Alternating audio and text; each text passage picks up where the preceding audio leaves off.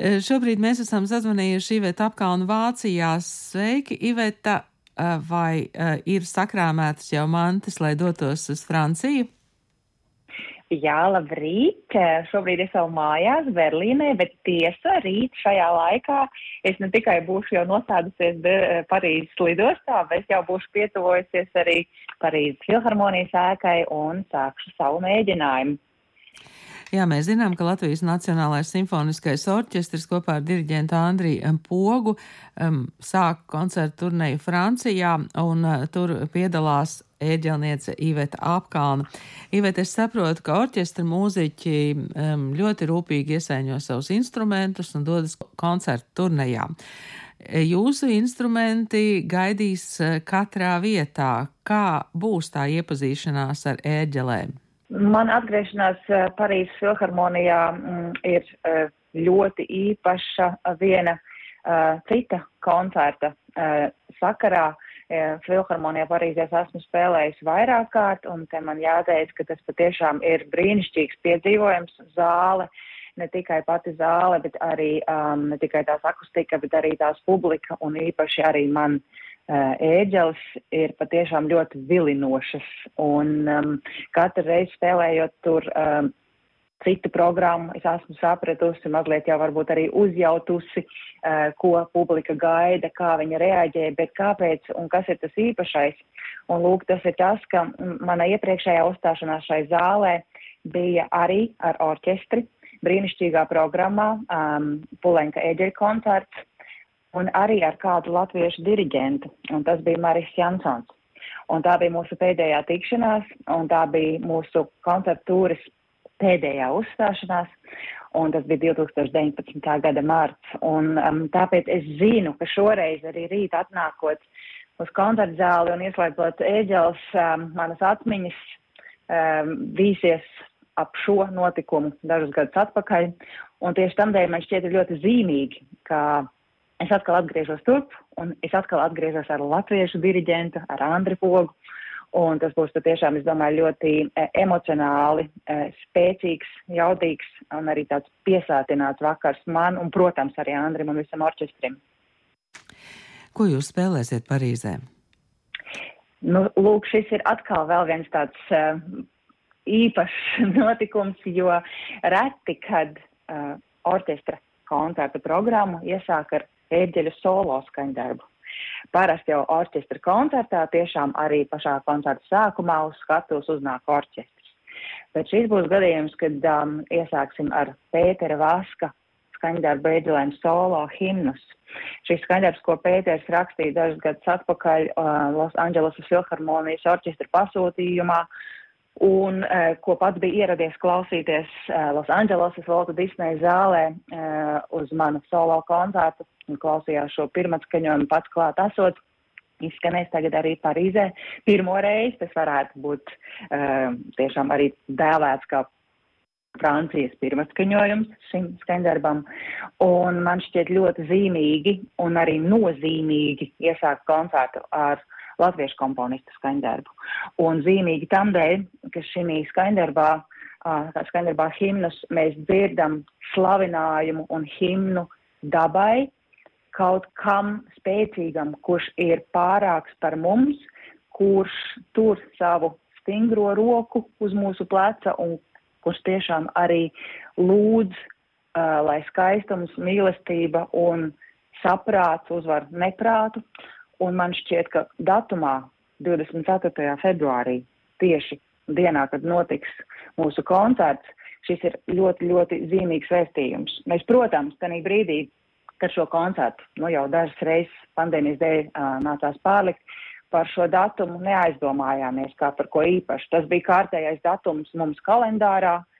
Un šobrīd, protams, 24. februārs ir ar pavisam citām krāsām zīmēts, un spēlēt šādā uh, vērienīgā uh, pasākumā, šādā nozīmīgā dienā un tik tiešām tādu um, arī jaudīgu programmu, um, es domāju, mums visiem būs liels emocionāls pacēlums un mūsu domas nebūs tikai klāt pie katra komponista, pie katras takts, pie katras pauzes, bet īpaši pauzēs, es domāju, mēs domāsim par cilvēkiem Ukrainā. Un, protams, mēs nedrīkstam aizmirst, ka 24. februārs ir nu jau diemžēl vesels gads kopš um, Krievijas zērnieciskā un agresīvā uzbrukuma Ukrainai.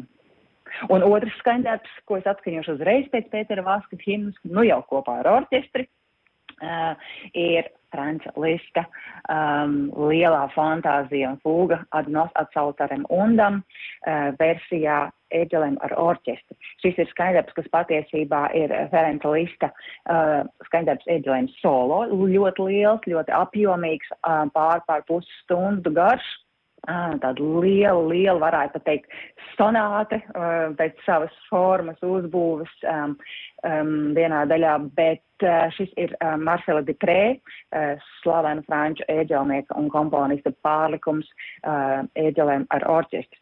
Uh, tā, tur mazliet ieskanēsies arī, protams, šī saskare uh, un, un saikne ar Franciju um, caur šo te Marcela Diprē vārdu, bet, protams, man šķiet arī ļoti zīmīga izvēle, programmas izvēle tieši tam dēļ, ka Karens Liss uz skaņdarbu ir balstījis uz Meierbēra operas pravietis tēmu, ir dažām tēmām, un arī man šķiet pravietis ir tas, kas mums šobrīd tik ļoti, ļoti visiem ir nepieciešams un ko mēs gaidam, lai nāk kāds un tiešām saka un apskaidro un nomierina un um, dod mums to vēstījumu un ticību. Ivet, kā šādas uh, programmas top? Jūs uh, sadarbojaties, uh, tātad orķestris, jūs kā solisti, un tad arī nu, tie, kas uzņem Francijā, zinot, kādu, kādu programmu varbūt gribētu dzirdēt, kā tas notiek? Jā, patiesībā visi šie aspekti, ko jūs, eh, Ingūda, nu pats minējāt, tā tas arī ir. Protams, viena lieta ir tā, ka katram mūziķim uh, un orķestram jo īpaši ir jāprezentē um, tāda sava muzikālā seja, sava muzikālā vizītkarte, arī tas, uh, kas šo orķestru varbūt atšķir no pārējiem un kas ir tā viņa īpašā šķautne. Tā ir viena lieta, otra lieta ir tā, ka, protams, mums ir jārespektē arī publikas interese un publikas galma, kuru, protams, organizatori tur, šajā gadījumā Francijā, pazīst un zina vislabāk. Un, protams, tad ir arī visgrūtākais aspekts, lūk, šie te mēģinājumi, uh, iespējas un laiki, jo, piemēram, kā jau jūs ziniet, gan Andris, gan es, mēs pastāvīgi nedzīvojam Latvijā, Rīgā un esam ļoti daudz ceļā, un arī orķestriem ir savi plāni, kad ir jāiestudē citas programmas, un tā lēkāt no programmas uz programmu tā vienkārši tas nav iespējams. Tāpēc patiešām mēs jau ļoti, ļoti saulēcīgi plānojām, un man jāatzīst, šis nebija pirmais programmas variants. Manuprāt, mums ir pirms tam bijuši jau vismaz divi, ja ne trīs citi programmas varianti, kurus mēs tā kā tāds klucīšus cilājām, pārcilājām, un um, arī saulēcīgi jau gandrīz pusgadu, ja ne ātrāk. Iepriekš bijām ieplānojuši vienu konkrētu dienu, kad gan Andris, gan es varam būt Rīgā un satikties un mēģināt ar orķestri, un tas jau bija noticis tagad 6. februārī. Un šobrīd patiešām tas ir arī varbūt tāds e, ļoti grūts uzdevums mums noturēt šo te enerģiju un to, ko mēs 6. februārī kopā apguvām un iestudējām līdz koncerta dienai, jo patiesi Parīzes filharmonijā mēs satiksimies tikai dažas stundas pirms koncerta, mums tiks dots tikai dažas stundas pirms koncerta lielajā Parīzes filharmonijas zālē, lai atkal ne tikai satiktos, ne tikai atjauninātu šo te um, iestudēto skaņdarbu, bet arī iejustos šai zālē un iejustos arī uh, vakara noskaņā. Uh, tas, protams, prasa ļoti lielu disciplīnu, ļoti, ļoti um, lielu tādu iekšēju um, jā, savākšanos. un man, protams, kā ērģelniecei, kā jau katru reizi, arī ātru, uh, iespējami ātru atrašanu, kontaktu, uh, kontaktu atrašanu ar instrumentu. Uh, un man jāatzīst, ka ēģels um, Parīzes filharmonijā nu, patiešām ir viens no skaistākajiem, arī no skaistākajiem, un ne tikai skaisti skanošajiem, bet arī vizuāli skaistākajiem instrumentiem, kāds ir uzbūvēts pēdējo gadu laikā. Savā ziņā viņas mēģina eh, gan šī zāle, gan arī Ēģeles konkurēt ar Elbas filharmoniju, kas, manuprāt, dažkārt izdodas, dažkārt nē. Bet tas arī ļoti labi, tā tam arī ir jābūt, ja katra eh, zāle, katra filharmonija ir absolūti cita pasaule. Un uh, es, es, es ļoti, ļoti gaidu šo koncertu. Um, es esmu tā patīkami satraukta un atzīšos, uh, varbūt pat vairāk satraukta uh, ne tik daudz par sevi un par savu veiksmi vai izdošanos vai noskaņojumu, cik uh, daudz vairāk es domāju par uh, Latvijas Nacionālā simfoniskā orķestra mūziķiem, par katru no viņiem, ko tas viņiem nozīmē tur būt un uh, tiešām vēlu izturību un visvairāk jau arī, protams, prieku muzicējot. Jā, Parīzes filharmonijā koncerts ir 24. februārī. Iveta, bet eh, kad jūs varēsiet atkal dzirdēt Rīgā vai Latvijā? Nu, es jau visvairāk, protams, gaidu ne tikai pavasari, bet arī vasaru. Un, protams, Baltās jūrmālas smiltis un saulēktas 16. jūlijā, pulksten 4,45 minūtēs rītā. Es gaidīšu visus tuvus un tālus viesus jūrmalā.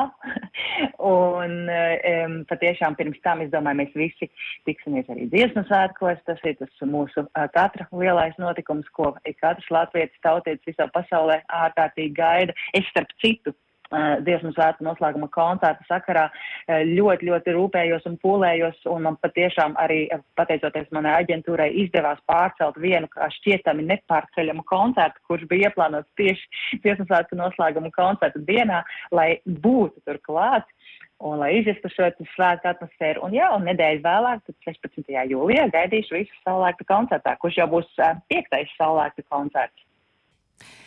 Paldies ieģelniecei Ivetai apkalnē, lai tad ir um, radoši vakari Parīzē un, protams, ka tiksimies saulēktā. Paldies, Iveta!